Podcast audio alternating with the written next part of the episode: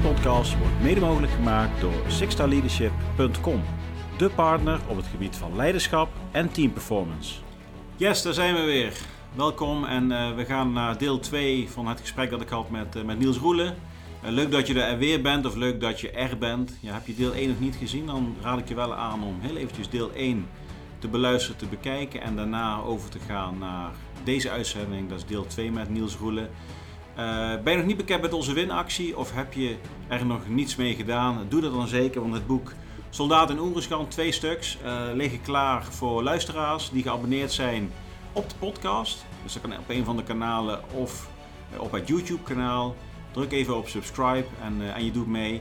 En daarnaast schrijf je ook heel even in voor de e-mailinglijst van Six Star Leadership. Ja, dan ontvang je naast leuke winacties uh, ook, ook, informatie uh, van events die wij gaan organiseren in 2021. Dat wordt echt heel erg interessant. Ik houd je op de hoogte wat de status daarvan is. Ik zal je ook regelmatig de kans geven om uh, eventueel vroegtijdig in te schrijven. en daarnaast ontvang je ook voorbij een mailtje op het moment dat ik een blog online zet of dat er een nieuwe podcast wordt gelanceerd. Ja, dus voor nu veel plezier bij deel 1 en als je al hebt gezien, heel veel plezier bij deel 2 van de podcast met Niels Roelen. Ik leer ook wel. Ja. ja. maar op een gegeven moment zijn we natuurlijk teruggekomen van de uitzending, eh, Niels. En uh, toen hebben we nog wel wat oefeningen samen gedaan. En op een gegeven moment liep je altijd met een boekje rond. En toen ontstond daar volgens mij steeds meer eh, de schrijver uh, Niels Roelen. Uh, hoe, hoe, is dat proces uiteindelijk gegaan tot datgene wat je, wat je nu allemaal aan het doen bent? Hoe ik schrijven ben geworden? Ja, ik, ik kan me nog Berg herinneren. En dan toen zat je altijd met een boekje. En, en dat was denk ik, uh, Soldaat in Oeruzgan is daar ook tot stand gekomen, die periode, denk ik. Dat jij herinneringen opkwam en sneller in je boekje schreef. Ja, wat, er, wat er gebeurd was, is, uh, uh, je had toen de tijd een van de eerste social media, nog voor Facebook had je in Nederland, had je Hives. Hives, ja, even, even krabbelen. Ja, even krabbelen. even porren. Ja. En op huis had je ook zo'n zo'n podium en dan kon je, uh, kon je een soort van blogjes uh, posten. En daar schreef ik wel eens wat.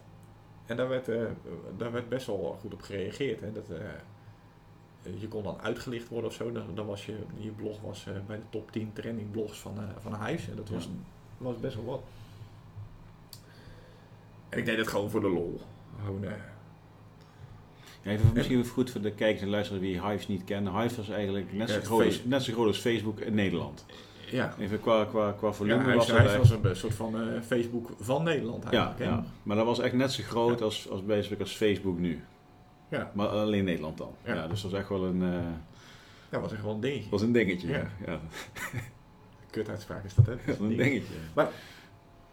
Uh, toen stond er in de, uh, in, in de landmacht of de defensiekrant had je toen nog mhm. fysieke uitgaves. Daar zochten ze uh, bloggers. En toen zei Annelies, mijn toenmalige echtgenote, die zei, is dat niks voor jou? En zei, nou, dat is niet iets voor mij. Want ik, ik hou ook van om gewoon een, een stuk te kunnen schrijven wat satirisch kritisch is. Dus mhm. ja, ik, ik, ik denk dat dat satire en sarcasme een erg effectieve uh, leervorm kunnen zijn, zullen maar zeggen. Hè? Dus, mhm. en uh, in satire en sarcasme kun je dingen een beetje uh, of heel erg of grootglas opleggen en daar cynisch over zijn. of, of een beetje, een beetje aandikken. Hè? Dus mhm. de vis die je gevangen hebt, die, die, die, die moet een beetje groeien. Ja. dat, in de hyperbol. En Defensie, uh, wist ik toen al, is nou niet een organisatie die houdt van satire over Defensie. Die houden wel van satire en sarcasme, maar niet over Defensie. En nou helemaal niet in de hyperbol. Nee. Uh, dus wat wel iets zegt overigens over het, het zelfreflecterend vermogen. Hè. Uh, ik, ik denk dat als je, als je echt beter, beter wilt worden, dat je, dat je ook zelfspot is, denk ik, een heel belangrijk middel om, mm uh, om beter te worden. Dat kunnen hebben. Dus mij, het was toch wel een beetje gaan broeien. Uh, dus ik, ik stuur een mailtje naar, uh, naar die redactie. en ik stuur daar twee blogs mee die over Defensie gaan. Eén heel positief en één ging over... ik wist toen al, voor die uitzending, dat het mijn termijn als plaatsvervanger zou na de uitzendingen opzitten. Dus ik moet voordat je weggaat op uitzending moet je een nieuwe functie. Dus ik was aan het solliciteren. Eh, en een van de functies waar ik op gesolliciteerd had, eh, de, de eh, sectie inlichtingen bij de luchtmobiele brigade. Ja. En ik bel op. En ik krijg, ik krijg een of andere adjudant aan de lijn. En die adjudant die, hoort dat ik een ritmeester. even over vooroordelen. Vooroordelen staan mensen echt in de weg. Hè? Eh, ritmeester, dus cavalerie. Dus past Dus- niet hier. Dus tanks. Dus dik. Dus, eh, de, eh, dus lui. Ja. Dat past niet hier. Wij hier... Maar is ook een vooroordeel wat jij nu had over tanks. Hè? Tanks dat ze dik zijn. Nee, nee, nee. Oké, dat, was- zijn... Dat zijn Dat eh, was heel... Dat was, dat was, dus ik kreeg een man aan de telefoon. Juist, ja. Ritmeester. En die zegt heel nadrukkelijk, zegt die man tegen mij... U weet dat wij de luchtmobiele brigade zijn? Ja, dat stond eh, op de sollicitatie. U weet dat wij hier wel van een beetje sporten houden? Nou ja, ik, neem aan dat iedereen militair een beetje van sport houdt. Doet u wel eens wat aan sport? wat? Doet u wel eens wat aan sport? Dus ik denk van, nou weet je, deze man die zit zelf een beetje denigerend te praten, dus ik ga zelf in verklein worden. Dus ik zeg, ik mag graag een stukje fietsen. Dat klinkt alsof het Ja. hobby is. Ja. Een stukje fietsen, een stukje fietsen. Zo gezellig door de weilanden, weet je, zo dat, dat gesprek. Nee, nee, nee, eh, eh, ik, ik doe een beetje wat aan, aan wielrennen. Ik doe een beetje wat aan wielrennen. Nou, het laatste eh, militair kampioenschappen wielrennen op de, op de Vlasakkers, toen werd ik dertiende. Dat vond hij al niks, want buiten dat, hij was, niet, hij was niet van de 13e bataljon, maar, maar 13e is niet top 10, dus, Ja. dus wat doe je daar dan of zo, weet je wel. Ja, maar dat is, best een, dat is best een prestatie. En, eh, eh, en eh, toen zei ik erachteraan, ehm, daar wordt best aardig doorgereden. Dat is op de Vlasakkers eh 80 kilometer in twee uur. Dat is 40 kilometer per uur gemiddeld in Ja. best een accident dit. Dus toen werd het een beetje stil aan de andere kant. En toen, ja, wij zijn hier vooral van het lopen, zei hij. Heeft u eh, onlangs uw conditieproef nog afgelegd? Dan moeten we natuurlijk bij Defensie push-ups, sit-ups eh, en, en 12 minuten eh, lopen. En ik ben een tegenstander van die conditieproef. Eh, maar ik had hem toevallig op verzoek van mijn commandant wel onlangs afgelegd. Ja. Ja, ja, ja. En wat waren de resultaten? Oh, dat eh, weet ik niet. Dan moet ik even kijken op de formulering in de la. Dus ik doe zo die la open. Dat zijn die metalen lades, dus die hoor je echt zo gaan. En dan hoor die man ook zeggen... Ja, wij vinden dat hier dus belangrijk, hè. Dus wij weten dat, wat onze resultaten zijn. en hij had helemaal niet in de gaten dat ik hem gewoon naar de slagbank aan het brengen was. Mhm. Nou, pushes en sit-up kan ik heel eerlijk vertellen. Eh, ik heb nooit de meerwaarde gezien van het proberen in, eh, wat is het, eh, eh, 60 seconden Ja. of zo.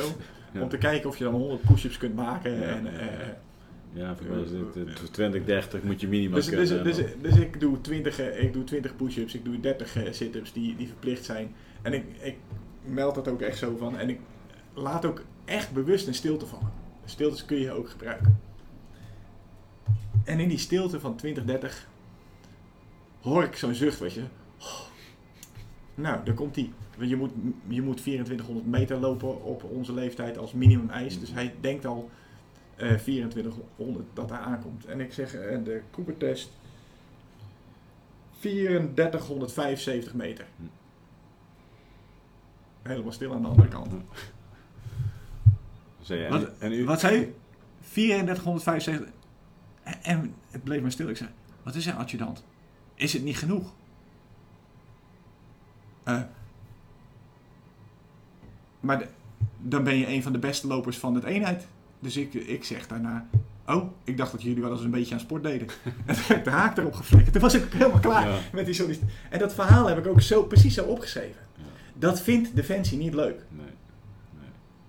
Dat zou je wel leuk moeten vinden. Ja. Niet omdat ik het vertel, of, maar eh, eh, ja. Weet je, het zegt iets over je eigen blinde vlek die je, eh, die je hebt. Nou, toen ben ik, ondanks dat, toen kreeg ik een keurig mailtje terug. We hebben smakelijk gelachen om het tweede verhaal. Het eerste Maar verhaal die gaan we goed. niet. die maar gaan dit soort verhalen gaan we in Afghanistan niet doen. Want ze zochten echt specifiek ook iemand die over de missie in Afghanistan wilde bloggen. Ik zei, nee, dat begrijp ik.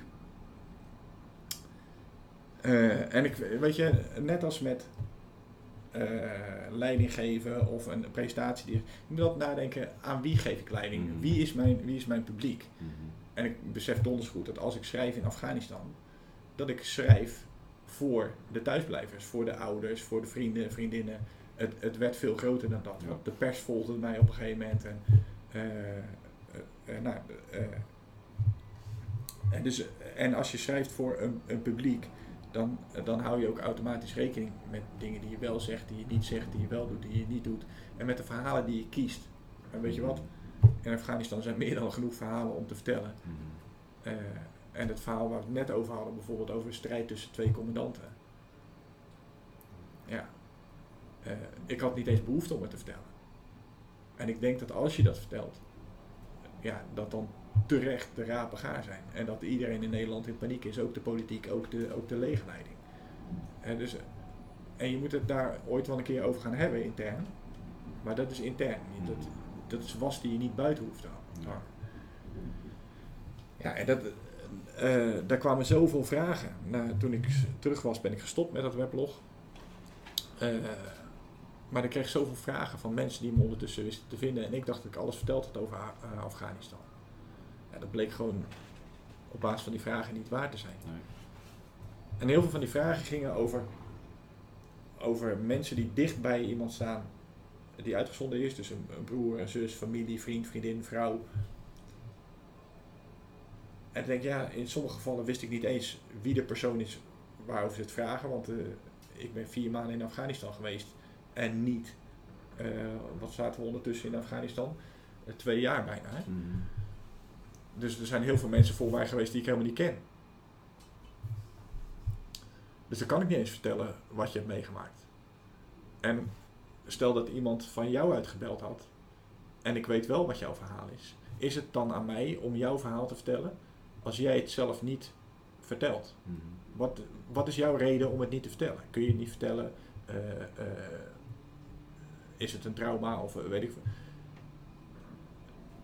Is het dan integer om jouw verhaal te vertellen? Dus toen dacht ik van wat ik wel kan doen, is het verhaal opschrijven zoals ik het beleefd heb.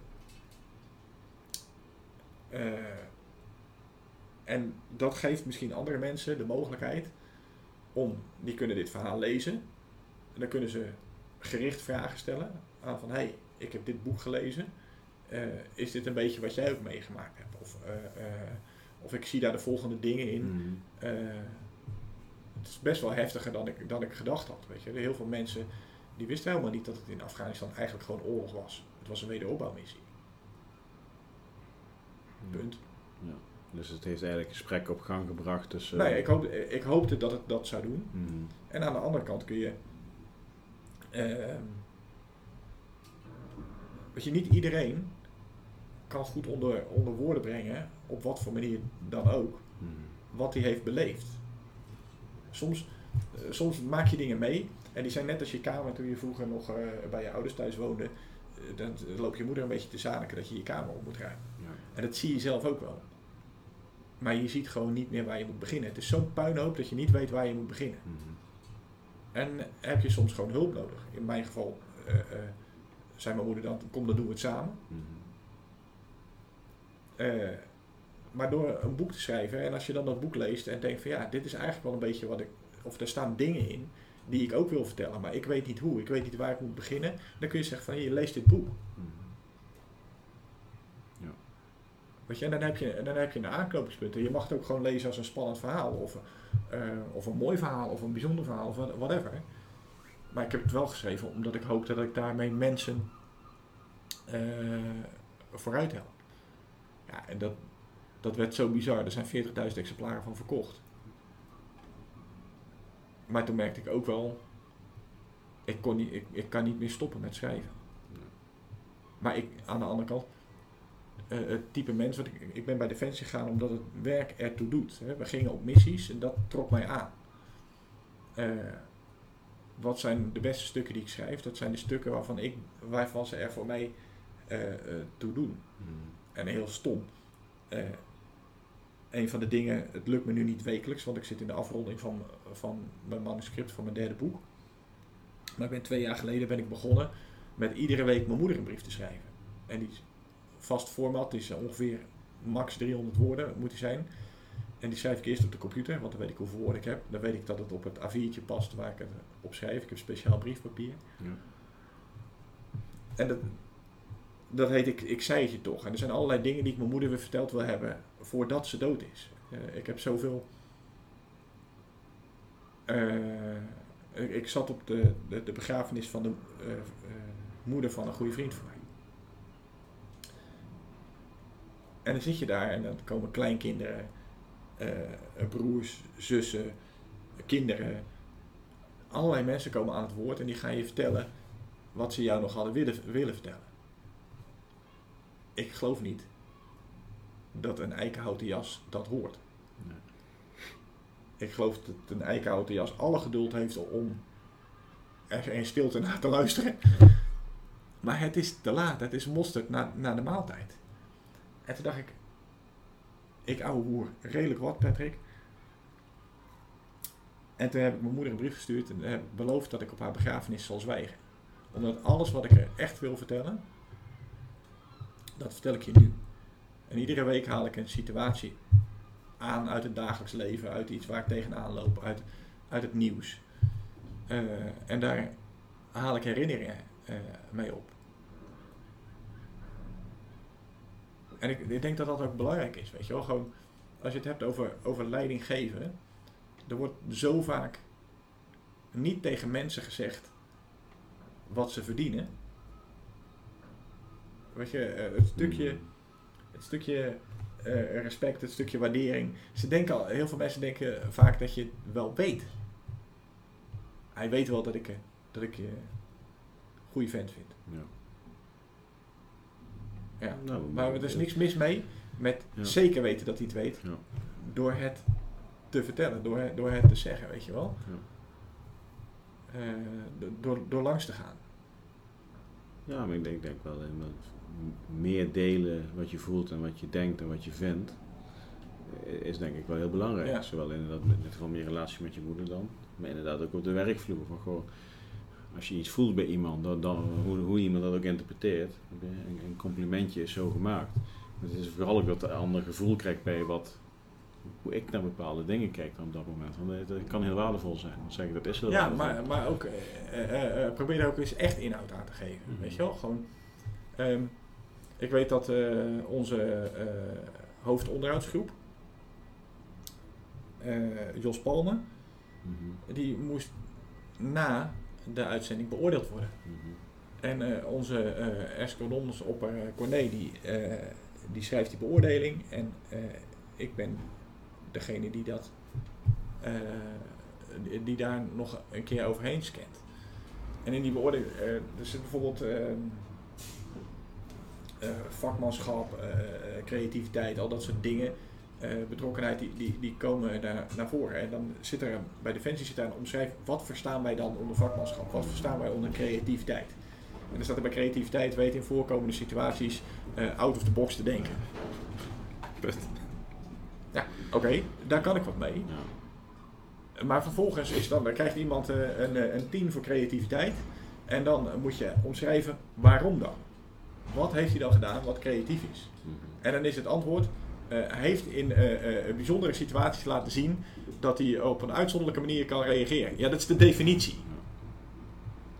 Maar de, de, de, hoe dan? Dus ik zei dat, ja, maar zei uh, Cornette, dat weet ik ook niet. Nou, neem bijvoorbeeld, wij zaten in, in een operatie aan het einde van onze missie. En er is een IPR, een, een, een rupsvoertuig. En daar breekt, daar breekt een, een, een loopwiel af waar die treks omheen gaan. Dus die, die kan niet verder. Dat is een reparatie die je normaal gesproken, het is niet zoals ik in de vakantie had. Ik heb een lekker band en ik ga uh, het reservewiel eronder gooien. Dat is het even niet. Nee. Dit is een reparatie die we normaal gesproken in Nederland niet eens uh, in de eigen garage van de eenheid kunnen doen. Of in de garage van de hogere eenheid. Nee, sterker nog, die ligt op het allerhoogste onderhoudsniveau. Mm. Daar moet hij bijna voor terug naar de fabriek als het ware. Ja. En omdat die man in de fabriek had gewerkt, wist hoe dat moest en wist dat de, de spullen die hij nodig had uh, wel aanwezig waren uh, ergens in het, uh, in het gebied, is hij in staat geweest om in het zand, in de woestijn van Afghanistan, onder gevechtsomstandigheden, dit wiel te verwisselen. Dus hij doet een, eh, hij doet een reparatie aan een voertuig. Hè. Uw, eh, eh, wat rij je, Patrick? Een BMW? Volkswagen Passat. Ja. Station. Met kinderen en Golden Retriever. Ja. Software. De, nou, inderdaad. Je auto moet, moet terug naar de fabriek, want Ja. er moet andere software. En dat kunnen ze en mogen ze alleen op de fabriek. Ja. Hij doet het in de meest extreme eh, omstandigheden Ja. aan de andere kant. Dus niet in de klinische fabriek, maar in de stoffige woestijn onder gevechtsomstandigheden. En daar gebruikt hij middelen voor. Dan zit hij van, oké, ik heb hier geen, eh, geen werkkraan die, die die nodig heeft. Maar er staat hier wel een Leopard 2 bergingstank. En daar zit een kraan op. Die kan eh, genoeg tillen om die IPR los van de grond eh, te krijgen. Ja. En buiten dat, als je het dan hebt over betrokkenheid en vakmanschap, eh, hij is leermeester. De mensen die voor hem werken, die moet hij ook iets bij leren. En hij doet het niet alleen. Nee, hij laat zijn corporaals dit doen. En hij geeft ze aanwijzingen hoe ze moeten doen. En hij leert ze het vak. Mhm. En passant onder gevechtsomstandigheden. Ja. En je moet dus concreet worden. Ja, dus in zo'n beoordeling la- laat je eigenlijk ook meteen zien van eh, dat je dat moment gezien hebt. Ja, En dat, dat, dat je hem ook mee, mee terugneemt daarheen van nou, dit, dit is gewoon uitzonderlijk en we hebben dat gezien en daarvoor waarderen we jou zo Ja. zoals je bent. En zo zijn er nog tien dingen, maar je Ja. pakt dan even dat ene voorbeeld eruit. Om zeg maar dat grote plaatje ja op die om, manier. maar om dat plaatje ook neer te zetten van, van word nou eens concreet. Ik bedoel, eh, eh, je gaat naar Najib Amali, eh, want je houdt van comedy. Mhm. En wat vind je dan zo leuk aan Najib Amali? Hij is grappig. Oké, wat maakt hem dan grappig? Wat maakt Najib grappig? De- dat specifiek kunnen benoemen, als je iemand een compliment wilt geven, Mhm. dat is waardevol. Zeggen dat hij leuk is, ja. Ja. Dat is zijn werk, weet je wel. Gewoon, eh, eh, maar maar wat, is, wat maakt hem dan leuk? Wat, dat zegt iets over wat jij waardeert in, in die persoon. Hè, zo, ik, er zijn films die ik vreselijk vind om naar te kijken, maar toch een hele goede film vind, omdat ze me onwijs eh, eh, prikkelen. Mhm. Ik heb wel eens, ze hebben nu bij ons in Zeist hebben ze een aantal beelden neergezet en ik weet niet wie bepaalt wat er in Zeist kunst is, Nee. Bijzonder dorp. Maar, eh, maar ik adviseer ze toch eh, eh, eh, om advies in te winnen. Aan de andere kant heb ik dan discussies over met mijn Christel, mijn vriendin. Juist omdat we het zo vreselijk vinden en omdat het ons zo Ik irriteert. zie het. Eh, en we hebben het erover, is, is dat niet ook wat waard?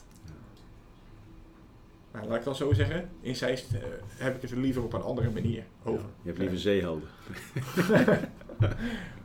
Nee, nee, ik hou meer van eh, eh, abstracte kunst. Maar de- in dit geval is de abstracte kunst de, Ja. Ja, maar die, die, die brief aan je moeder, Niels, gaat dat, gaat dat op termijn ook wel weer een boek worden? Of is dat echt iets wat eh, tussen jou en je moeder Ja, is? nee, ik, nee, ik heb eh, eh, eh, aan mijn moeder eh, twee dingen beloofd.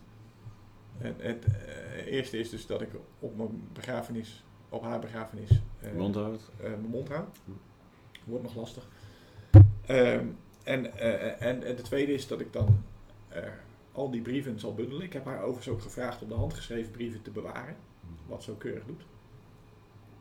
En, te bundelen tot een boek. Als mensen willen weten wat ik van mijn moeder vind, hoe ik naar mijn moeder kijk, eh, dan, eh, dan, dan vinden ze dat daar. En daar heb ik ook heel eerlijk bij gezegd van ja, kijk, de een zijn dood is de ander zijn brood. Dus ik wil natuurlijk wel... Nee, eh, ja, snap ja. Dus als je Nee, slim bent, ga je op de begrafenis wel een poster neerhangen dat het boek te kopen is. ja, Vanaf heden. ja, dat zou, dat zou ook nog kunnen. Ik denk dat mijn moeder dat niet kan waarderen. Dat ik dan voor het eerst Nee. een brief terugkrijg. Maar dat, wordt, het- dat kan, dat kan een aardig dik. Laten we hopen dat het een heel dik boek wordt. dan. Ja, Ja. dat hoop ik ook. En, en denk je dat je dan met dat boek dan ook weer mensen kunt helpen om bepaalde vragen aan hun ouders te stellen voordat ze dood zijn, omdat jij... eh, Nou, weet je, dit, dit zijn natuurlijk eh, allemaal losse brieven. Eh, in die zin ge- geen samenhang. Maar ze schetsen denk ik wel een, een, een, een tijdsbeeld. mhm. Eh, dat maakt het overigens op dit moment ook moeilijk om te schrijven. Omdat het nieuws is voor mij constant corona gerelateerd. Mhm. Ik kan niet iedere week een brief schrijven over die keer dat ik de mazel had. Of dat je ziek was en dat je moeder voor je zorgde en dat de wereld nu veranderd is. Ik had uh, afgelopen week wel een aardige. en dat ging, dan relateerde ik hem aan vakantie. want vroeger had ik twee criteria voor een vakantie. Er moest water zijn en het moest te warm zijn. Ja. En dat het te warm was, dat, dat las ik altijd af aan dat mijn haar blonder werden en mijn billen witter.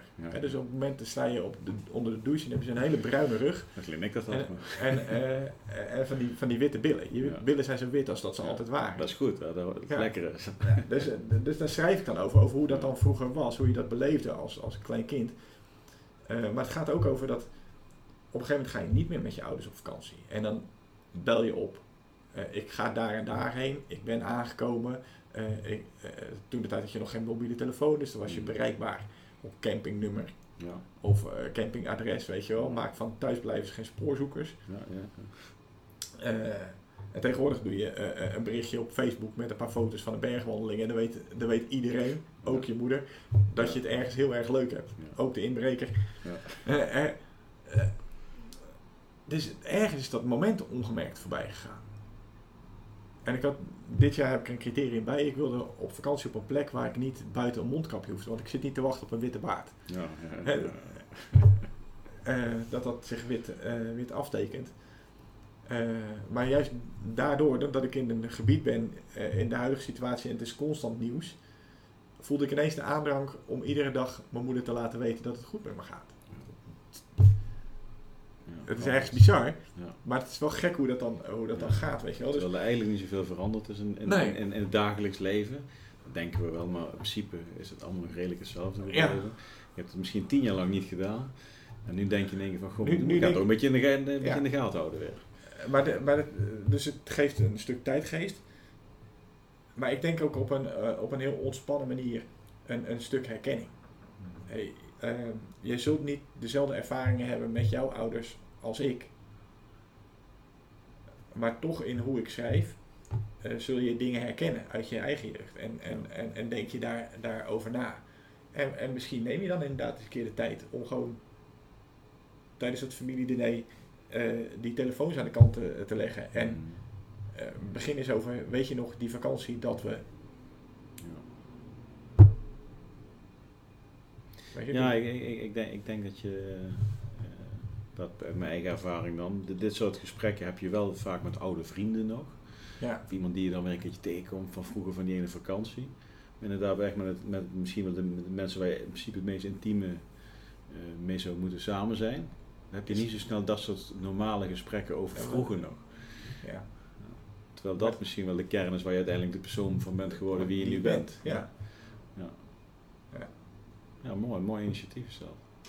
Nou, en wanneer komt jouw derde boek? Uh, wanneer moet het uh, klaar zijn? Ik, het, uh, klaar moest het zijn afgelopen zaterdag, 1 augustus. Ja, de uitgever en ik wisten al dat dat vrijwel geen haalbare kaart was, maar het was wel een lekker streven om, om de druk erop te houden.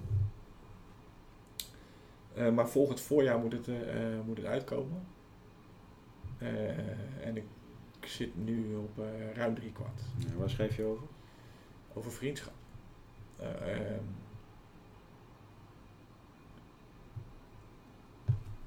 Het, het boek heet, uh, heet, Zwarte Vogel, gaat het uh, heten.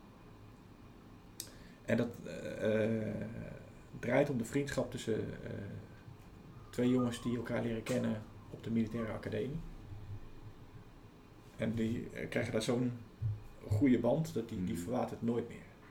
En de een gaat, van die twee gaat eigenlijk vrij kort na zijn uh, KMA-tijd op missie naar, naar Kosovo.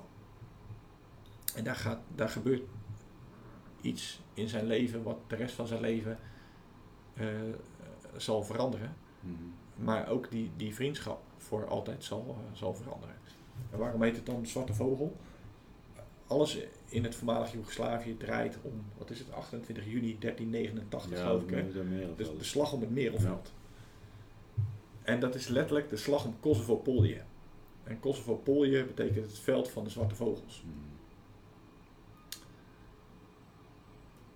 En uh, nee, die, die ene jongen die komt terug en die is als het ware een zwarte vogel. Dat is niet, niet iets slechts, maar de, hij heeft een soort van grauw sluier uh, over zich heen. En, en, wat is dat nou? En hoe ga je daar in je vriendschap mee om? Maar ook de vraag, uh, als je nou een vriend hebt die zo af en toe helemaal buiten je bereik ligt. Wat maakt dan dat je toch loyaal blijft aan, aan die vriend? Waarom doe je, waarom doe je dat? Ja. dus, uh, nou, mooi. En is dat geschreven vanuit een, uh, iets wat je zelf hebt meegemaakt? Of is dat iets wat je gewoon vanuit... Ja, hoe moet ik zeggen? Het, het is een... Uh, is het een roman of is het... Het is zeker een roman. Dus wat je leest is, uh, is, is fictie. Maar het gebeurt, het gebeurt echt. Dit, dit zijn. Uh, je kunt veel verhalen bij, bij elkaar pakken, maar als, als mensen dingen meemaken die hun leven veranderen, en in dit geval blijkt die jongen die naar Kosovo gaat, die blijkt manisch te zijn, manisch psychotisch, manisch, depressief. En uh, dat, dat kan heel heftig zijn. Dat hoeft niet per se, maar dat kan heel heftig zijn. En in dit geval is dat heel heftig. En er gebeuren dus vanuit dat perspectief dingen waarvan je, nou, misschien uh, denkt, die vriend wel, dit is PTSS, posttraumatische stressstoornis. Mm. Uh, maar het, het, het blijkt iets, iets anders te zijn. En, dat, en dat gaat, dat gaat veel, veel verder. En dan, dan kom je ook, denk ik, in je vriendschap op een punt van ja, hoe, hoe, ga, je, hoe ga je hiermee om? En dan komt ook loyaliteit. Uh, en dan gebeuren er ook dingen waarvan je zegt van ja, als mens ben ik hier misschien niet oké mee. Ja. En toch, weet je wat,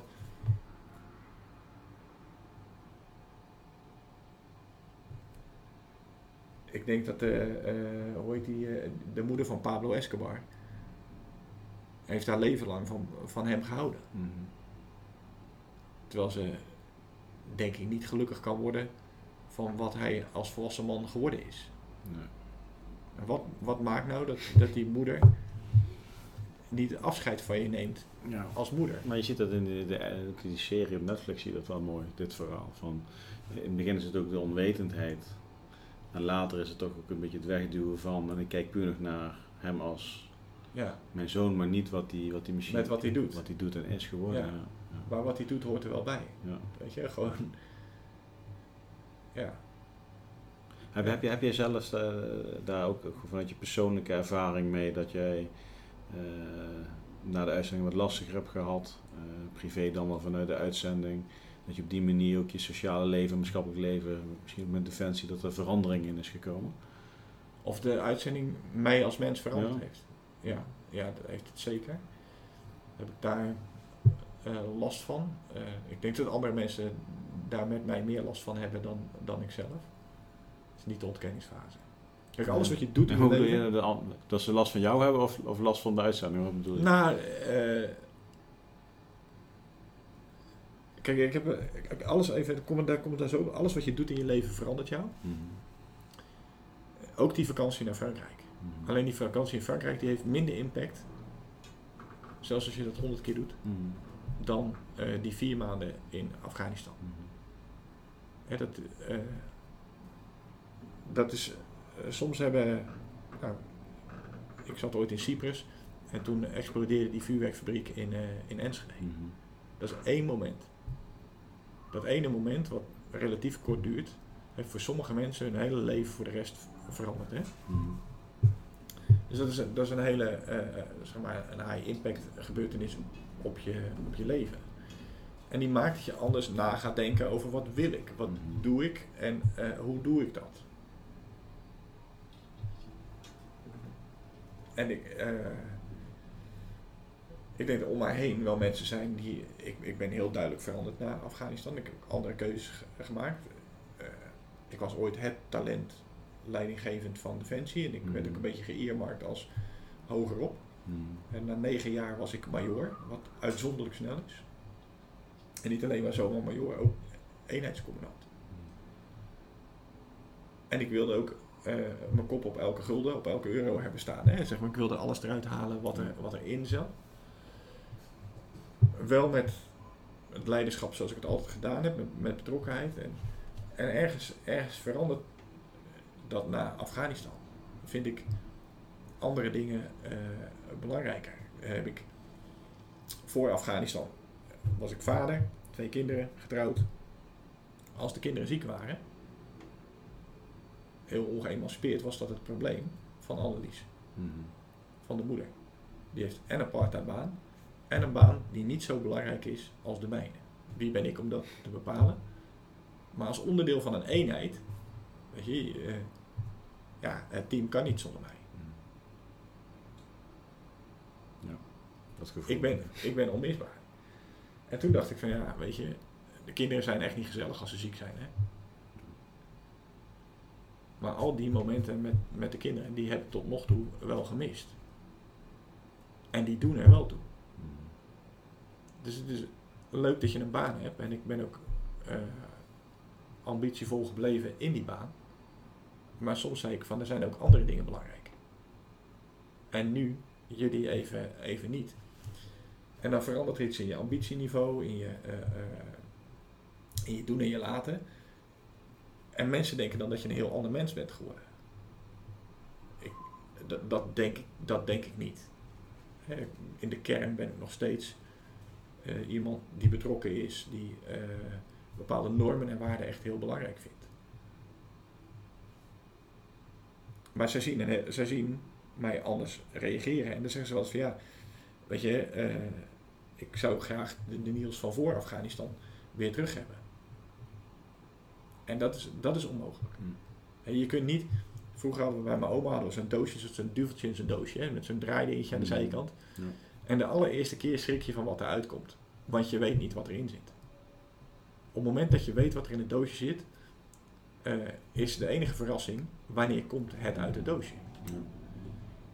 Dus je kunt niet meer weten wat je, uh, wat je al weet. Je kunt niet meer onweten wat je, ja, dat kan wel dan heb je een andere ziekte en dat is misschien nog wel veel vervelender. Hmm. dan ben je dingen aan het vergeten, dan kun je bij dingen in je geheugen.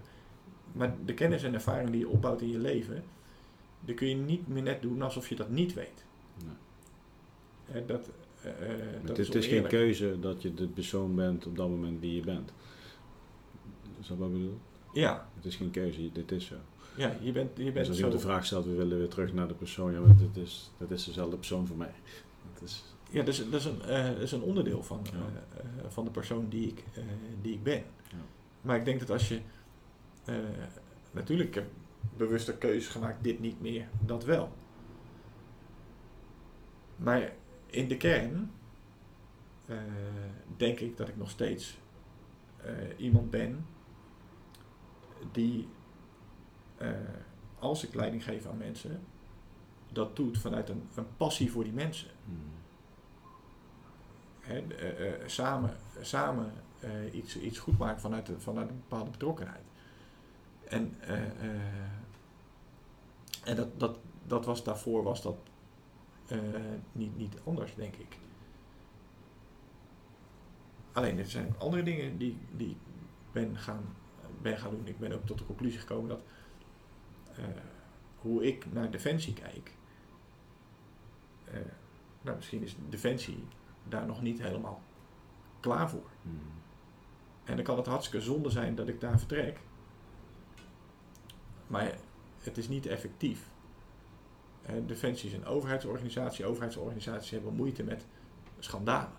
Hmm. En de eerste storingsreactie bij heel veel, of het nou de Belastingdienst is, of de, die kinderbijslagaffaire die we hebben, het is niet gebeurd. Ja.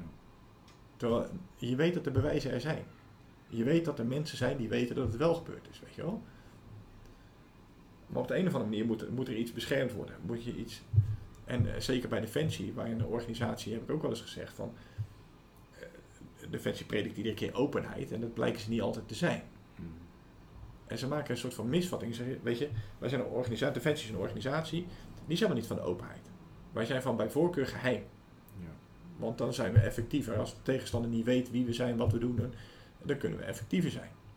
dan kunnen we verrassen, kunnen we dat duveltje uit de doosje, uit de doosje zijn. Dus je moet die geheimen, moet je, je moet koesteren dat je geheim. Je moet alleen weten welke dingen noodzakelijk geheim zijn, waar je dus die je geheim moet houden en, welke dingen geheimzinnigheid zijn.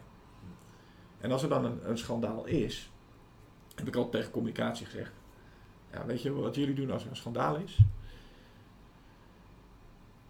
Dan zoeken jullie bliksemafleiders. Dus, we zitten in een kamer, er komt iemand binnen van de pers en die zegt het stinkt hier naar poep. En jij weet dat er daar in de hoek iemand heeft zitten kakken. Die, die, rol, die rol ligt er gewoon. En het is een kwestie van tijd tot iemand hem gaat vinden.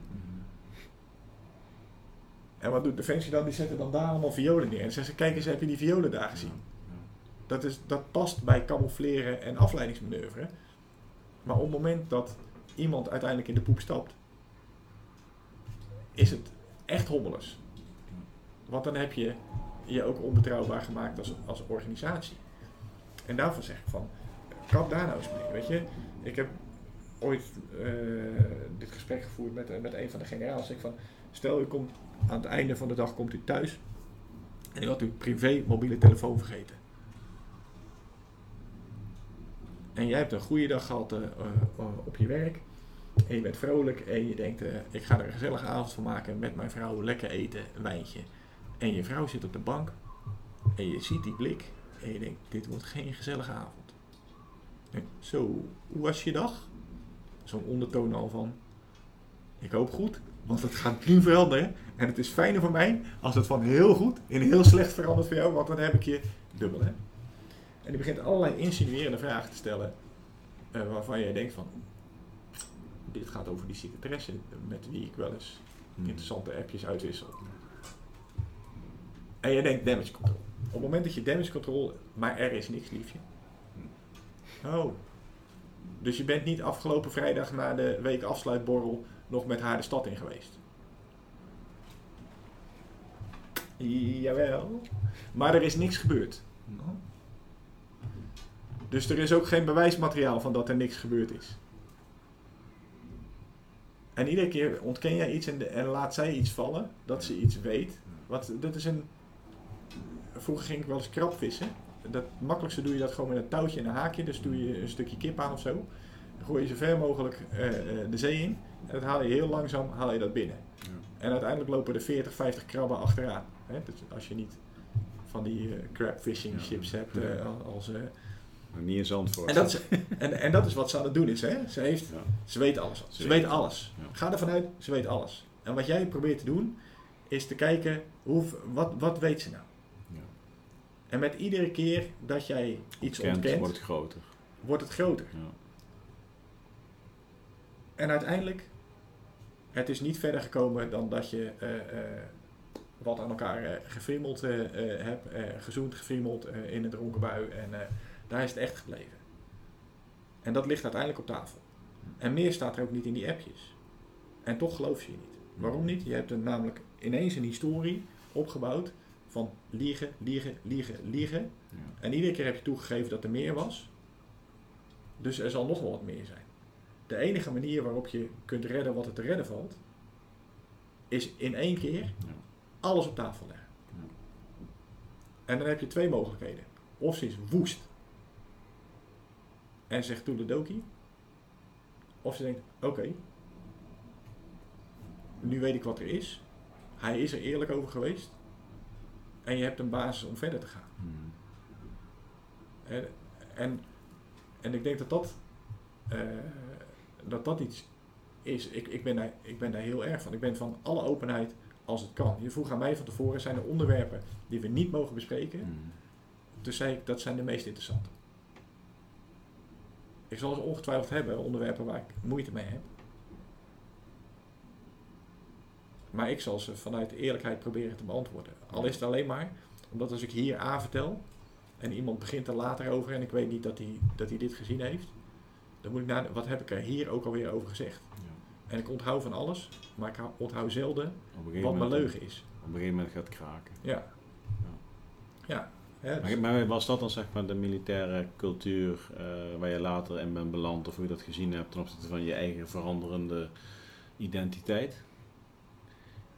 Ja, maar, maar dat, uh, dat maakt ook dat ik ook niet meer in een, in een groot bedrijf werkzaam wil zijn. Dus um, ik denk, en ik zie regelmatig daarin dingen gebeuren, dat bedrijven die groot genoeg zijn om het te hebben over organisatiebelang, mm wegwezen. Mm Op het moment dat bedrijven zo groot zijn dat ze een organisatiebelang hebben, betekent dat ze bereid zijn mensen op de werkvloer te laten sneuvelen voor iets abstracts. Ja. Verschuilen. ja. dus uh, uh, iemand die over jou praat, tegen jou praat over het, uh, dat we dit doen in organisatiebelang. Hm. Wat is dan het verschil tussen, tussen teambelang en organisatiebelang? Nou, team ben je zelf onderdeel van. Hm. Dus als het. kijk, op dit moment zijn er veel bedrijven die eh, na aan denken zijn over het organisatiebelang. Uh, en als je dat doet vanuit het teamperspectief, want een organisatie kan groot genoeg zijn om zichzelf nog als team te zien, mhm. dan zeg je ook van oké, het gaat niet alleen maar om die, eh, die, die 200 mensen die er onderaan uitgaan, want daar bespaar ik zoveel mee. Het gaat ook om mijn salaris. Mhm. En het gaat, weet ik veel, uh, die, die jongen die, uh, van, de, van, de, uh, van de postbank die naar zo'n Zwitserse bank is gegaan.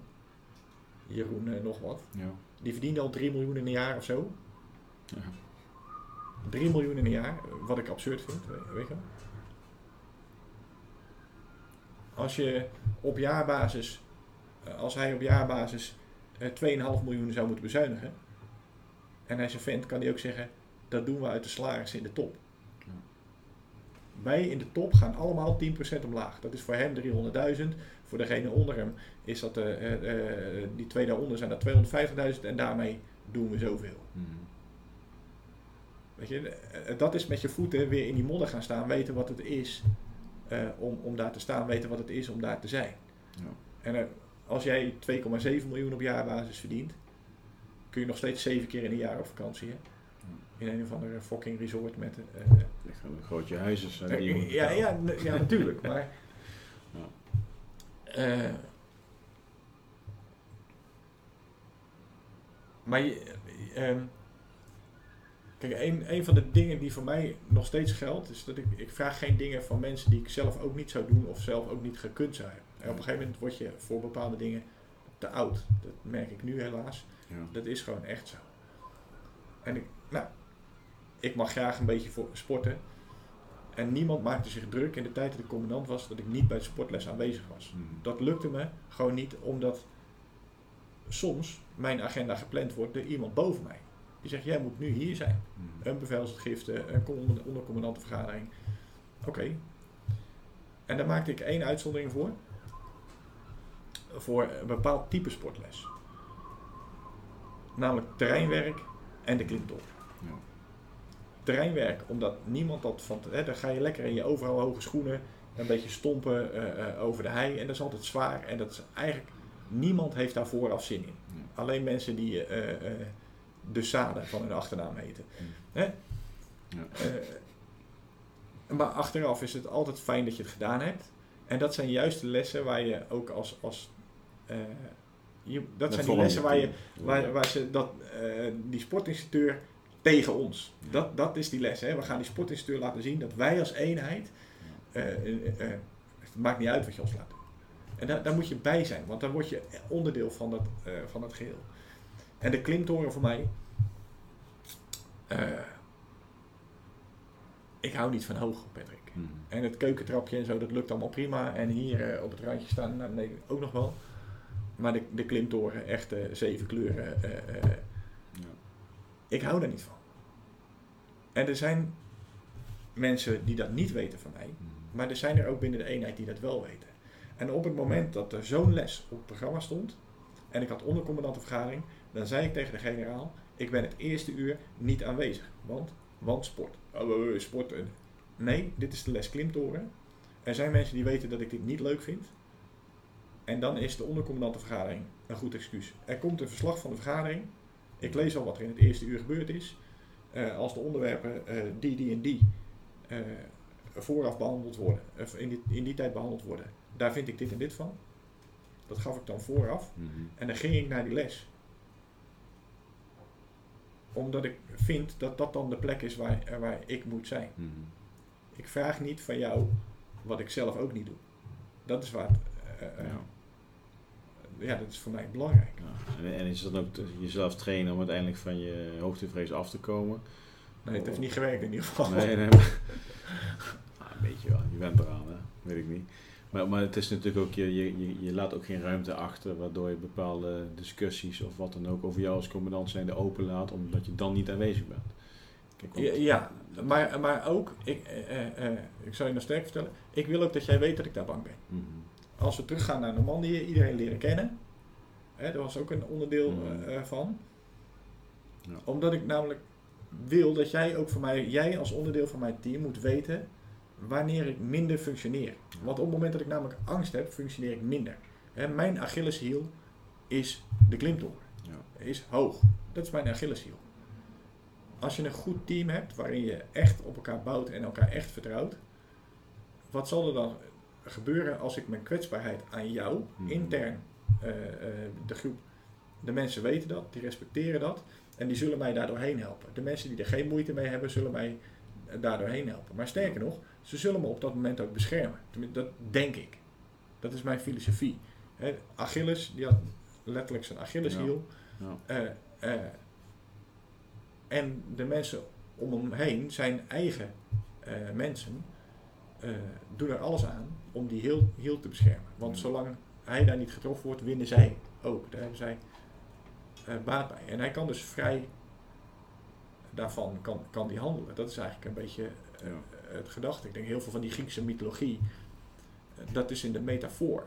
Hè, dat gaat om, natuurlijk, dat is een soldaat. En als soldaat mag je niet kwetsbaar zijn. Mhm. Niet voor je tegenstander. Als soldaat mag je niet twijfelen. Niet als je in het gevecht zit. Maar daarvoor laten we vooral twijfelen. Laten we vooral kwetsbaar zijn. Daarna laten we vooral twijfelen. Laten we vooral kwetsbaar zijn. Om ervan te leren. Om er beter van te, worden. Maar ook om het, om het een plek te geven. Ja. Als je, het is natuurlijk heel lang de filosofie geweest dat je militairen zijn stoere mannen en, en, en, en, en stoere mannen huilen niet. Hè. En, en dus worden die ervaringen die je op de een of andere manier heel heftig zijn geweest, waar je eigenlijk verdriet over hebt omdat je iemand verloren bent of omdat je misschien dingen hebt moeten doen eh, die je liever niet had gedaan. Mhm. Dat wordt dan een bal die je onder water houdt. Ja. Maar dat kost heel de tijd kost dat kracht. En er komt vanzelf een moment dat die, dat die bal te zwaar wordt en dat die, dat die omhoog popt. Ja. Is, is dat veranderd? Want eh, als ik naar mezelf kijk, voor mijn gevoel zijn de mensen om me heen veel bewuster bezig met eh, voeding, mindset, eh, omgaan met emoties, meer, meer laten zien wie je echt bent. Ik zou heel graag die persoon zijn wie ik nu ben, had ik heel graag nu in het leger gezeten. Ja. Had ik op een hele andere manier omgegaan ook met de tijd en met bepaalde momenten. eh, wordt dus ook, je wordt ouder, misschien is dat... Ja, de- je wordt ouder, maar het is misschien ook wel dat je. eh, ehm, kijk, stel dat je. Eh, die ervaringen die je daar opgedaan hebt, die maken dat je de persoon. Waar hadden we het net over? Mhm. Die maken dat je nu de persoon bent die je nu bent. Als je al die ervaringen niet opgedaan, had je nu het leger ingegaan, had je het nog steeds moeten leren.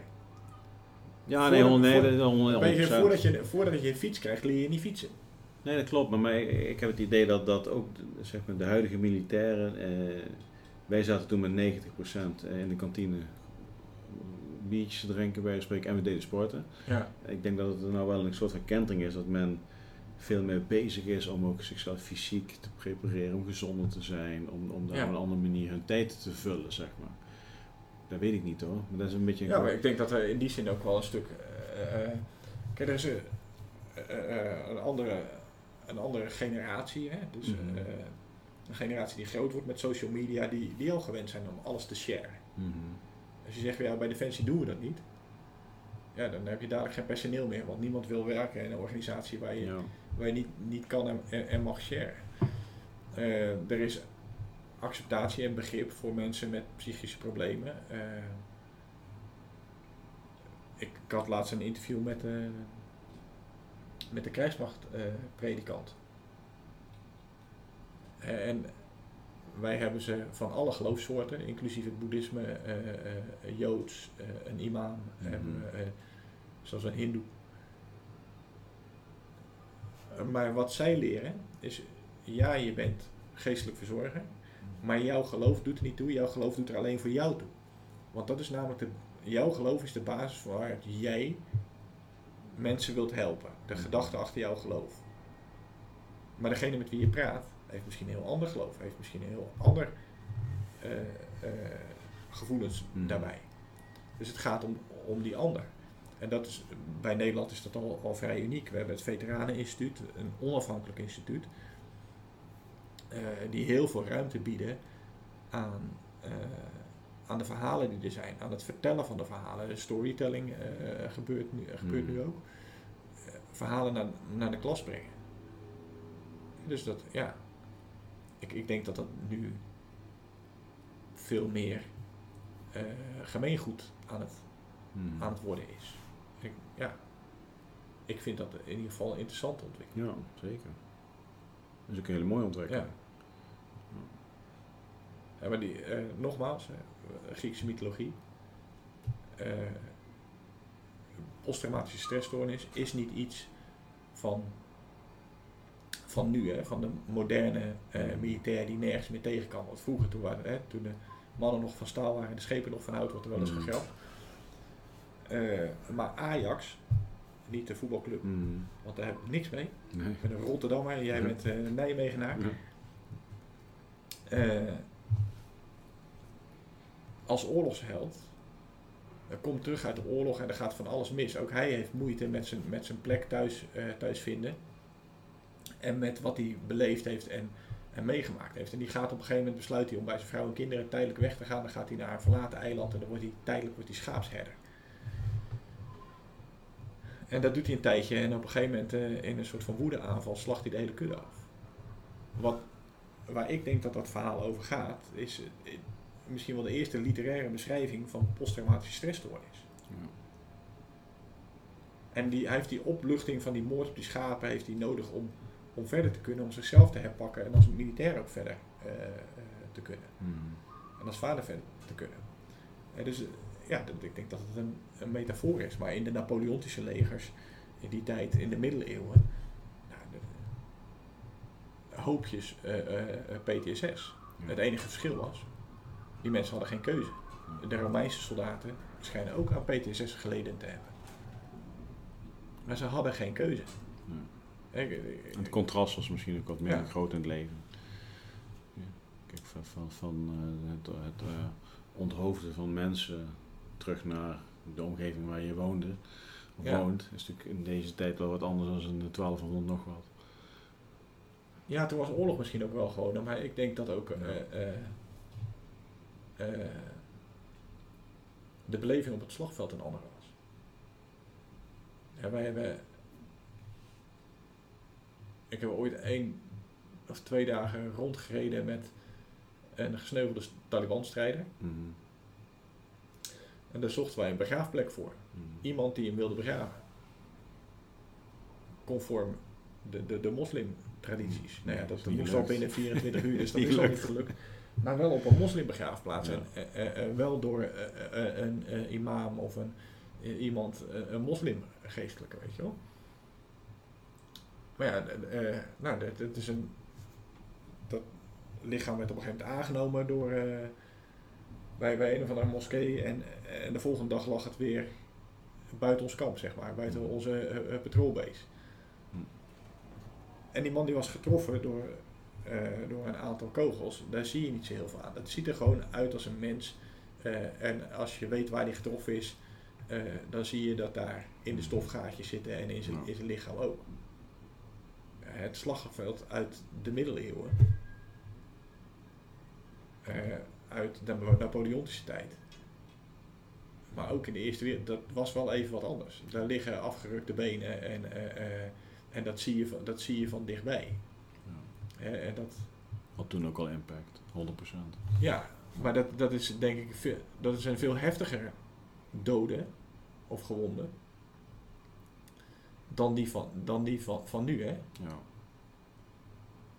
Eh, eh, Timo Smeehuizen, die bij ons overleed, daar zag je niks aan. Die had een gaatje in zijn voorhoofd. Ja. Kon je zijn haar overheen laten vallen. Ja. En dan ziet hij er gewoon weer uit als mens. Ja. Martijn Rozier was een ander verhaal. Ronald Groen was een ander verhaal. En je ziet ook dat het beeld van dat soort lichamen met de mensen die, eh, die daarmee geconfronteerd zijn, veel heftiger is. Mhm. Want dat staat heel ver af van, van wat wij menselijkheid noemen. Misschien is dat ook wel waarom ik weg ben bij Defensie. Omdat er zo een aantal dingen zijn die, die ik me afvraag. Hè. Die gewoon maatschappelijk voor mij niet kloppen. Mhm. Wij gebruiken het woord beestachtig. Voor dingen waarvan we alleen weten dat de mensheid er bewust toe in staat is. Dat is grappig, hè? Een, een leeuw die een, leeuw die een lama uit elkaar scheurt, die, eh, die doet dat instinctief. Mhm. Ja. Mensen die andere mensen martelen, de- de- de- in de criminele eh, eh, omgeving staan er tegenwoordig containers in de havens met tandartsenstoelen erin. Het is niet om je gebit te controleren, schijnt het. Hè? Nee, Gewoon, nee, nee, daar is de locatie niet handig voor. Ze hebben in ieder geval geen verdovingen, want ze zijn gelu- geluidsdicht Nee. gemaakt. Dus Ja. Er zijn mensen die bereid zijn om, om, om dingen te doen. Die noemen we beestachtig. Mhm. We noemen onszelf dan bezig. Maar, maar wij zijn de enigen die dat bewust doen. Ja. Als, en, en niet jij en ik en niet, niet de gewone mensen, Nee. maar wij als... Ik moet eerst een leeuw nog vinden die een leeuw vastbindt aan een boom om hem te pakken Ja. te nemen. in, Ja. in een tandartsstoel zet. Ja. ja. Maar wat waar, waar ben je nu vooral druk mee, Niels? Want Je bent natuurlijk met vooral veel aan het schrijven. Je hebt Defensie verlaten uiteindelijk. eh, goed, daar, daar is natuurlijk wel wat... eh, ja, wat, wat- die overgang is niet geheel, niet geheel soepel gegaan, zal ik het zeggen. Uiteindelijk ben je semi-gepensioneerd uitgestapt. Ja. En daardoor kun je ook doen wat je nu doet. ja, en dat is vooral eh, schrijven, over dingen nadenken. eh.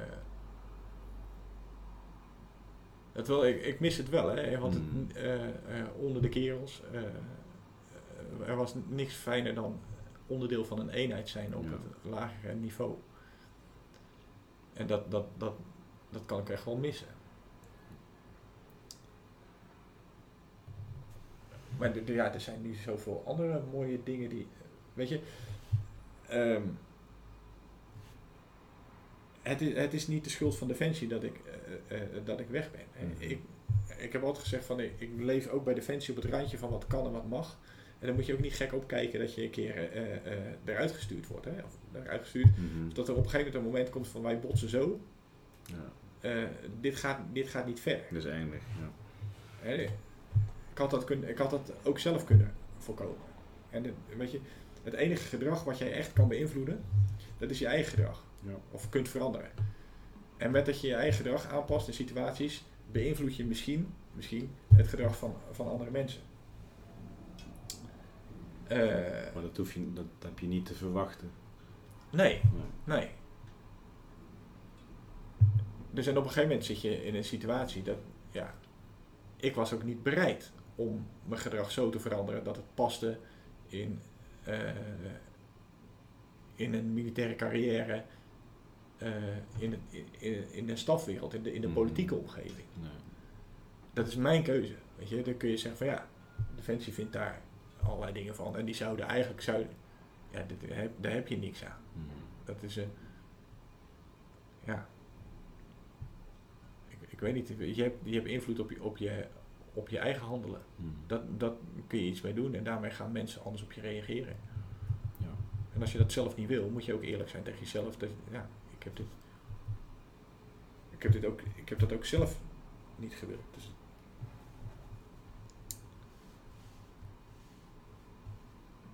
Dus ja. Ik, eh, het enige wat wel is, dat ik vond dat er een aantal dingen zijn eh, die me stoorden, die niet, die niet eerlijk zijn. Ik ben zelf iemand, als ik met jou een probleem heb, Patrick, Mhm. dan ga ik niet tegen je vrienden praten of tegen, eh, tegen René D. en, en Ja. al die andere jongens. Omdat René ik van weet Dor- dat ze... René van Dongen tegenwoordig. oh ja, ja, dat is waar. Ja. Ja.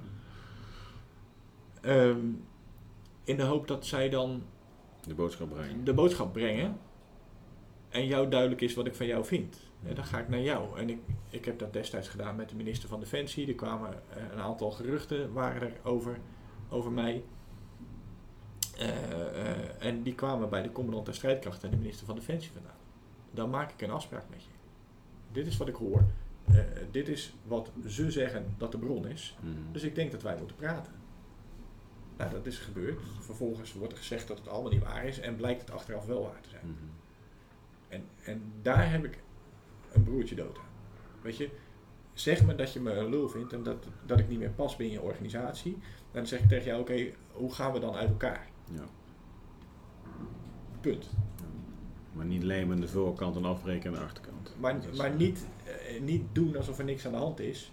En op het moment dat ik me omge- omgedraaid heb, eh, Ja. verder gaan met waar je mee bezig was. Namelijk met te kijken of je eh, mij eruit kunt laten werken. Of je mij onderuit kunt laten gaan. Dus natrappen vind ik dat. Weet je? Ja. Daar, hou, daar hou ik niet van. Ja. Je mag bij mij best een harde pot eh, voetbal spelen. Met, eh, eh, nou ja, à la Jaap Stam, zeg maar, tackles. Maar doe het, doe het wel open. Niet, ik hou niet van de Braziliaanse eh, eh, eh, trapjes achter op je Achillespees die je niet aan ziet komen. Waardoor je je leven lang ongelukkig bent daarna. Ja. Van, die, van die doodschoppen. Van, van die stiekeme doodschoppen. Dat, dat- ik hou niet van het stiekem. Dat is misschien naïef. Maar ik denk dat ik ook ondertussen om mij heen werk met mensen die dat niet doen. Mhm. Hè, En als, jij, als er mensen zijn die dat wel willen doen, prima. Ja. Maar ik doe dat niet. Ja. Dan heeft dat jou toch uiteindelijk ook gebracht. Ja, Ja. Ik denk dat je in 25 jaar tijd veel hebt gezien, veel hebt meegemaakt, veel hebt geleerd, veel mensen hebt leren kennen. Ja. Goed, en uiteindelijk ga je jezelf opnieuw uitvinden en dan kom je erachter dat jij in de organisatie niet meer helemaal yin en yang is. En dan ja, ontmoet je je volgende fase, de mensen die daarbij passen. ja. Ik denk dat dat goed is. Ja. Kijk, je kunt jezelf ook aangepast aan de organisatie en dan ben je je leven lang niet jezelf. Misschien. ja. Die zijn ook genoeg. En dat is ook een keuze. Weet je wel. Kun, je, kun je de podcast eh, worden wie je wilt zijn? Kun je dan... eh, Ja, dat is een goeie. Hier wil zijn podcast. Ja. ja. Goed. Hebben we iets niet besproken, Niels? Want je zei van, goh, daar wil ik sowieso nog... ehm, Ja, ik zou niet weten wat en anders kom ik wel een keer terug, Pet. Maar, eh, weet je? We wouden drie uur opzetten, dus. Ja, ja, dat is veel, hè? Ja. Ehm, ik, ik, heb, ik heb geleerd in de loop der jaren dat ik graag de dingen wil doen die voor mij, voor mij bijzonder zijn. En, en wat vind ik echt bijzonder? Eh, bijzonder vind ik als ik een gesprek kan hebben met iemand zonder dat ik me geremd voel om, om iets te vertellen. Mhm. Ik heb dat nu niet. Ik heb niet het gevoel dat ik geremd ben, dat ik eh, soms moet nadenken hoe. Nu strategische, ja, Ja. strategisch antwoorden. En dan ga, ik, dan ga ik dadelijk naar huis en denk van, eh, ik weet niet wat ik allemaal gezegd heb, maar gelukkig kan ik het terugzien. Maar dit was- Toevallig gaat deze nu stoppen, omdat hij na drie uur automatisch... eh, maar gelukkig hebben we er nog meer. Maar de, ehm, dit was een toffe dag, want dit was, eh, dit was een bijzonder moment. Mhm. Dat, is, dat is mijn salaris aan het eind van de dag. Heb ik Ja. een bijzonder moment beleefd. Ja. Ja, 13 jaar terug rond deze tijd eh Ja. zaten we heel ergens anders natuurlijk. Eh, ja, toen zaten we net in het gebied. Ja, dat zijn wij. Wij- wij- Ik ben zelf rond de Vierdaagse van Nijmegen ben ik eh, ingevlogen, zeg maar. Dus dat, dat was rond deze week. Ja. Ja, de, Singula was ergens eh, 14 juli. Nee, eh, Eh, 14 september? 14 14 september, ja. Ja, Martijn was volgens mij 29 augustus. Augustus. Toen ik twee weken later was Shingula. En dan nog twee weken later was was met, eh, met Tim Tim Hoogland. Hoogland. Ja. ja, dat is eigenlijk een hele korte periode, is er heel veel gebeurd. En, eh, en 75 jaar geleden vandaag was de bom op Hiroshima, hoorde ik Ja, op de radio. ja, ja. Het is echt een hele bijzondere dag. Nou, ze, eh, ik hou van, van, van cultuur en misschien het laatste wat ik mag vertellen. Ik heb na Afghanistan besloten dat ik ieder jaar iets probeer te doen waar ik een totale aversie eh, tegen heb. En het eerste wat ik daar ooit in ben gaan doen is, ik ben naar het ballet gegaan. En ik ga naar, eh, voordat ik naar het ballet ga, Mhm. eh, heb ik voor mezelf opgeschreven, waarom heb ik nou een hekel aan ballet? En dan komen er alle tutus, watjes. Weet je, ballet is niet voor mannen. Mm. Ik ben een militair, ik ben een man, ik ben mm. dit weet en dan ik, heb ik al die dingen die ik opgeschreven had, die, waarom ik een hekel heb aan het ballet, die heb ik even laten liggen. En toen heb ik het nog eens gelezen. En toen ik het nog een keer las, ging ik letten op, wat doet het in mij? Mm Waar voel ik dat ik hier een hekel heb? Zit het hier? Zit het hier? Zit het hier en hier? Zit het in? Of zit het in? En dus dat heb ik gedaan. En dan heb ik het nog een keer twee weken laten liggen. En toen heb ik erachter geschreven. Oké, als ik dit voel, ik span mijn lichaam aan. Wat heb ik dan nodig om, om die spanning los te laten? Mhm. Hoe kan ik anders kijken? Ik ben ondertussen groot fan van het ballet. Mhm. Ik ga zeker ieder jaar uh, een keer naar het ballet. Dit jaar wordt het een lastige. En dat komt omdat ik gezien heb dat uh, ballet is camouflage. Alles lijkt heel makkelijk. Mhm. Maar alles wat ze doen komt van uren en uren en uren en uren trainen. Nog meer dan wij militairen trainen op de drills. Mm. Trainen ballerina's en uh, balletdansers op hun basisvaardigheden. Iedere ochtend beginnen ze met één uur basisvaardigheden. Of je nou Igoné de Jong, de bekendste Nederlandse ballerina bent, of je begint net. Mm. Iedereen in diezelfde zaal. Iedereen gelijk. Iedereen die basis basispasjes. Want die moet je kunnen dromen. Maar dat gaat onwijs pijn. Je ziet aan een balletdanser nooit dat hij pijn heeft. Ik ben backstage geweest bij het ballet. Ik heb ze gezien en dan zitten ze. Nadat ze even die eerste uur hebben gehad, hebben ze even pauze. Hun benen masseren, hun voeten, hun, uh, alles wat pijn doet. En, en maar door, en maar door, en maar door. En dat, dat blijven ze uh, maar doen. En op het toneel zul jij nooit merken dat iets kracht kost, dat iets moeite kost. Het ziet er altijd uit alsof het vloeiend is, of het vanzelf gaat. Of het... En ze laten je de schoonheid zien van, van het verhaal. Mhm. En offeren daarvoor heel veel zelf op. Dus ik heb balletdansers zijn net als militair. In zekere zin, weet je wel. En dat, uh, ik vind het best wel waardevol om gewoon anders naar dingen te kijken en bij jezelf te onderzoeken. Van waarom opera heb ik jaren over gedaan om het, om het te waarderen. En heb ik een vriendin nodig gehad die me uitgelegd heeft van ja, maar weet je, je kijkt verkeerd naar opera. En ik kon het maar niet ontdekken, weet je. Wat zit er nou, wat zit er nou dwars? Want waar jij je aan irriteert, Niels, dat het zo over de top is, zo opgeblazen is, dat is juist waar het om gaat. Hmm. Dat moet het zijn. Ja, dat is het. Dat is het. Ja. Oh, weet je? Ken je uh, Byron Katie? Nee. The Work? Wat, wat, wat jij omschrijft, eh, dat, dat, is een dame die heeft op uh, rond de 40 heeft ze een soort van awakening gehad. En, en, en uiteindelijk heeft ze daar een, een, methodiek is eruit voortgekomen hoe zij, uh, ja, ze noemt het eigenlijk, is, is gewoon zelfonderzoek. dus je, hebt, je, je judge iets of iemand. Dan in dit geval judge jij een balletdanser ja. of operadanser of je judge de commandant van 13e. Als, als andere commandant zijnde, je vindt er iets van. En dan ga je eigenlijk de vraag stellen van, uh, is it true? Ja. ja, oh ja, dat model ken ik al. Ja, dan weet je zeker dat het, dat het waar is. En dan heel vaak is het nee. En dan zeg je ook van, hoe voel ik me als ik de gedachte geloof dat dit, dit en dit. En hoe, hoe voel ik me als ik de gedachte niet geloof. En dan ga je omkeringen zoeken daarin. Dan zeg je van, oké, het, is, het is wel een mooie sport. Ja, het is een mooie sport, want... En op die manier ga je met een soort van meditatie en overtuiging, met het omkeren van de gedachten, leer jij eigenlijk bepaalde uh, gedachten lezen en wat het met je doet. Uh, en zo, zo word je zeg maar je, jezelf maar conditioneren. ik vind dat soms wel, wel moeilijk, want uh, op, ik kan niet beoordelen allemaal. En, en, sommige oordelen wil ik ook niet loslaten. Hè. als, nee, ik kijk, als ik kijk naar de Amerikaanse president, zou ik prima uit voor kunnen stellen dat hij echt gelooft dat dat wat ik over hem denk niet waar is, omdat hij zelf gelooft dat iets anders is. En dan kan ik me mm. helemaal, ik zou me daar helemaal naartoe kunnen gaan.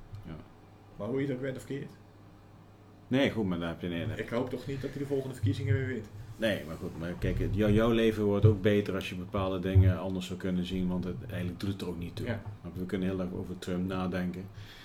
dan wordt je leven daar beter van. Ik denk het niet. Dus ik zeg vooral zeggen, doe dat niet. Kijk, maar je kunt, kunt bijvoorbeeld van, uh, het mooie voorbeeld is natuurlijk uh, Henk en meneer Groen in dit geval.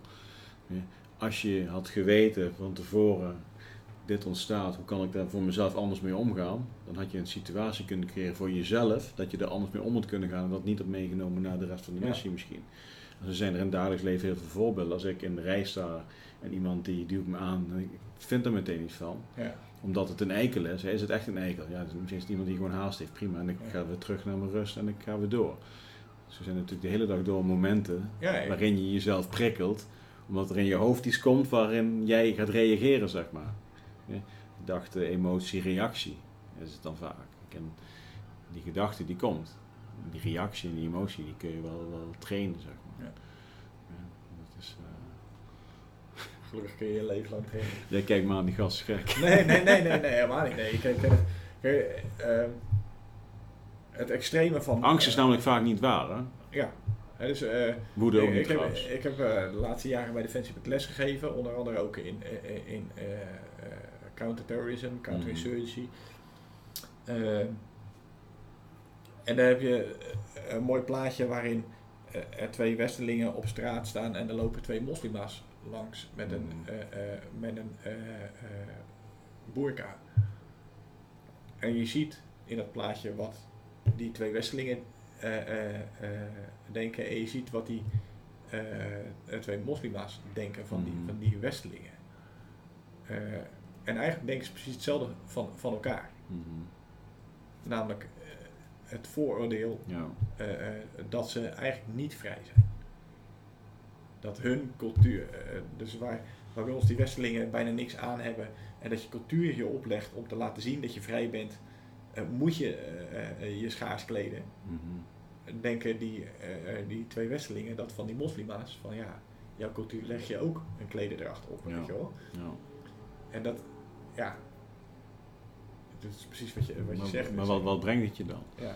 Kijk, er zijn mensen op dit moment, as we speak, in deze stad, die denken dat iedereen ziek is. Corona. Iedereen is besmet. Terwijl er één huis verderop heeft iemand, ja, de kans dat ik iemand tegenkom is heel klein. Dus, maar als je weet dat het niet waar is wat je denkt, dan leef je echt in het nu. En dan weet je gewoon van, er is eigenlijk niet zo heel veel aan de hand. Mits ik. Nou, nee, van bla bla. Hoe dat kun je discussiëren kan ik er niet over praten. Ja, ik ben gelukkig geen viroloog, dus... Ja, we hebben een goede, goede branche uitgezocht. ja. En Niels, bedankt voor je komst. Graag gedaan. Kom dan een keer terug, zou ik zeggen. Mag jij je microfoon meenemen? Anytime. Nee. Gaan we het hebben over wat jij doet. Dank wel, man. Ga eens even pissen Dat is opgenomen. Ja. Goed, en dan komt de podcast met Niels Roelen ter einde. Het was een hele zit. Ik hoop dat je ervan hebt genoten, dat je er een aantal dingen voor jezelf hebt kunnen uithalen. En denk hé, hey, dat is interessant. Uh, ik vind het altijd leuk om met, uh, met Niels te kletsen. En je weet, als je met schrijvers een gesprek aangaat, dan, uh, dan ben je niet binnen een half uurtje klaar. Ja, gelukkig moest Niels naar de wc toe, want anders hadden we waarschijnlijk nou nog, nou nog gezeten. Ik wil jou in ieder geval bedanken voor het kijken of het luisteren. Ik wil, ik wil Niels bedanken voor, uh, voor het aanwezig zijn en het delen van zijn soms kwetsbare verhalen. Maar ook zijn kennis en inzichten die hij heeft opgedaan de afgelopen jaren als persoon, als schrijver. En maar ook als commandant bij Defensie. ik herhaal het nogmaals. twee keer soldaat in Oeruzgang gesigneerd door Niels Roelige. Heel gratis. Wat moet je daarvoor doen? Nou, abonneer je op een van de kanalen. Dus subscribe je op YouTube. schrijf je in op Spotify, Apple Podcasts, eh, Stitcher of Podbean. Uh, en daarnaast uh, meld je aan voor de Sixta Leadership e-mailinglijst. Ik denk dat het een kleine moeite is. Daardoor blijf je wel op de hoogte van alles wat wij doen. De, wat doen we nog meer naast de podcast? wij schrijven een blog en ik heb regelmatig winacties. en daarnaast zijn we bezig met het organiseren van een aantal events voor 2021. Nou, ik hou jou graag in de loop. Ik heb ook graag interactie met je, dus wil je nog eens kwijt naar aanleiding van deze podcast en andere podcasts of in het algemeen? Nou, stuur me dan een berichtje. Uh, mijn telefoonnummer en e-mail zijn overal te vinden. Ik reageer altijd. Wat je uiteraard ook kunt doen is uh, onderaan de YouTube kanaal of in LinkedIn gewoon een reactie plaatsen. En dan hebben we een leuke interactie met elkaar. Dus nogmaals bedankt. En ik zie jou de volgende keer weer bij de volgende podcast. En dat zal zijn met Sander Aarts. ja, ook geen onbekende voor de meeste mensen. En ook daar zal ik weer een aantal leuke promotionele aanbiedingen hebben voor luisteraars of kijkers. Tot ziens, bedankt. Ciao.